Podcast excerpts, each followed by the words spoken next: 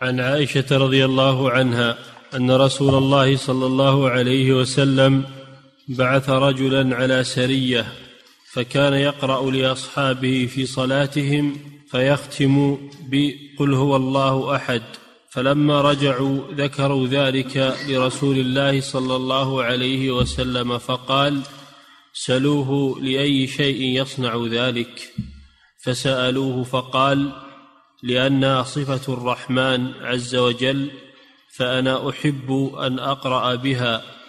فقال رسول الله صلى الله عليه وسلم أخبروه أن الله تعالى يحبه. نعم هذا حديث عظيم. فيه أن هذا الأمير على السرية الذي أمره النبي صلى الله عليه وسلم كان يصلي بهم كان يصلي بهم كما هو المعروف إن إن القائد والأمير هو اللي يصلي بمن معه. فكان يصلي بهم.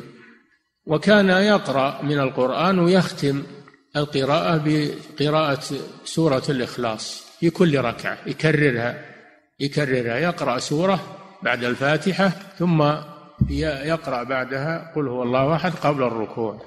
فتعجب الصحابة من هذا العمل ولكنهم لم ينكروا عليه بل صبروا إلى أن جاءوا إلى الرسول صلى الله عليه وسلم فاخبروه فقال لهم صلى الله عليه وسلم سلوه لما يصنع هذا؟ فقال لأنها أي سورة الإخلاص صفة الرحمن صفة الرحمن لأن الله وصف فيها نفسه بصفات الكمال ونزه نفسه عن صفات النقص فهي مشتملة على النفي والإثبات. قل هو الله أحد هذا إثبات. الله الصمد هذا إثبات. لم يلد ولم يولد ولم يكن له كفوا أحد هذا نفي. فهي جمعت بين النفي وهو نفي النقائص عن الله وإثبات الكمال له سبحانه. الأحدية والصمدية قل هو الله أحد الله الصمد. صفات كمال وهي خالصة في التوحيد خالصة. في التوحيد ولذلك قال النبي صلى الله عليه وسلم إنها تعدل ثلث القرآن. تعدل ثلث القرآن. لأن القرآن على ثلاثة أقسام إما توحيد وإما أحكام وإما أخبار. أخبار عن الله وعن الرسل وعن الأمم وعن ما يأتي في المستقبل. القرآن ثلاثة أقسام إما أحكام شرعية الحلال والحرام وإما توحيد والنهي عن الشرك وإما أخبار عن الماضي والمستقبل وعن الله وعن الغيب عن أمور الغيب. يخبر الله جل وعلا فيها عن أمور الغيب. فسورة الإخلاص أخذت القسم الثالث وهو التوحيد. فصارت تعدل ثلث القرآن في الفضل. في فضلها. تعدل ثلث القرآن في فضلها.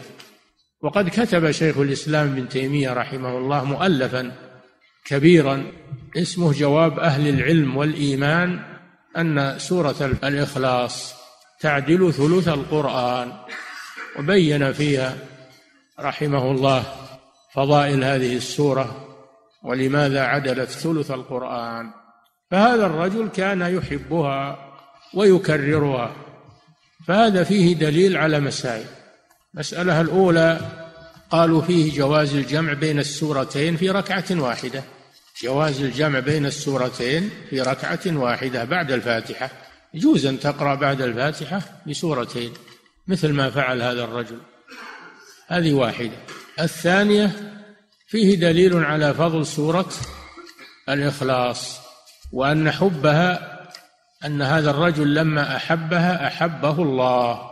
وفي الحديث الآخر قال صلى الله عليه وسلم إن حبك إياها أدخلك الجنة. فهذا فيه فضل سورة الإخلاص. وسميت بالإخلاص لأنها أخلصت للتوحيد. والمسألة الثالثة فيه إثبات صفة الرحمن عز وجل إثبات الصفات لله عز وجل. التي ينكرها أهل الضلال فهذا فيه إثبات الصفات للرحمن سبحانه وتعالى وإثبات الأسماء له جل وعلا وهو ما ينكره أهل الضلال من الجهمية والمعتزلة وأضرابهم. نعم. نعم. أحسن الله إليك فضيلة الشيخ يقول السائل هل يفهم من حديث عائشة رضي الله عنها استحباب قراءة سورة الإخلاص بعد قراءة ما تيسر من القرآن في الفريضة بدليل فعل الصحابي وإقرار النبي صلى الله عليه وسلم له. إذا كان هذا بمحبة لها مثل محبة هذا الصحابي فلا بأس. إذا كان أنه يجد في نفسه محبة لها وفهما لمعناها فلا بأس. نعم. أسأل الله إليك فضيلة الشيخ يقول السائل هل من أحب سورة الإخلاص منا يحبه الله عز وجل؟ إن شاء الله. كما في الحديث أخبروه أن الله يحبه. لما بين أنه يحبها قال أخبروه أن الله يحب. الجزاء من جنس العمل. الجزاء من جنس العمل. فمن أحب الله وأحب صفاته وأحب أولياءه أحبه الله عز وجل. ومن اتبع الرسول صلى الله عليه وسلم أحبه الله. فاتبعوني يحببكم الله. فمحبة الله للعبد لها أسباب. نعم.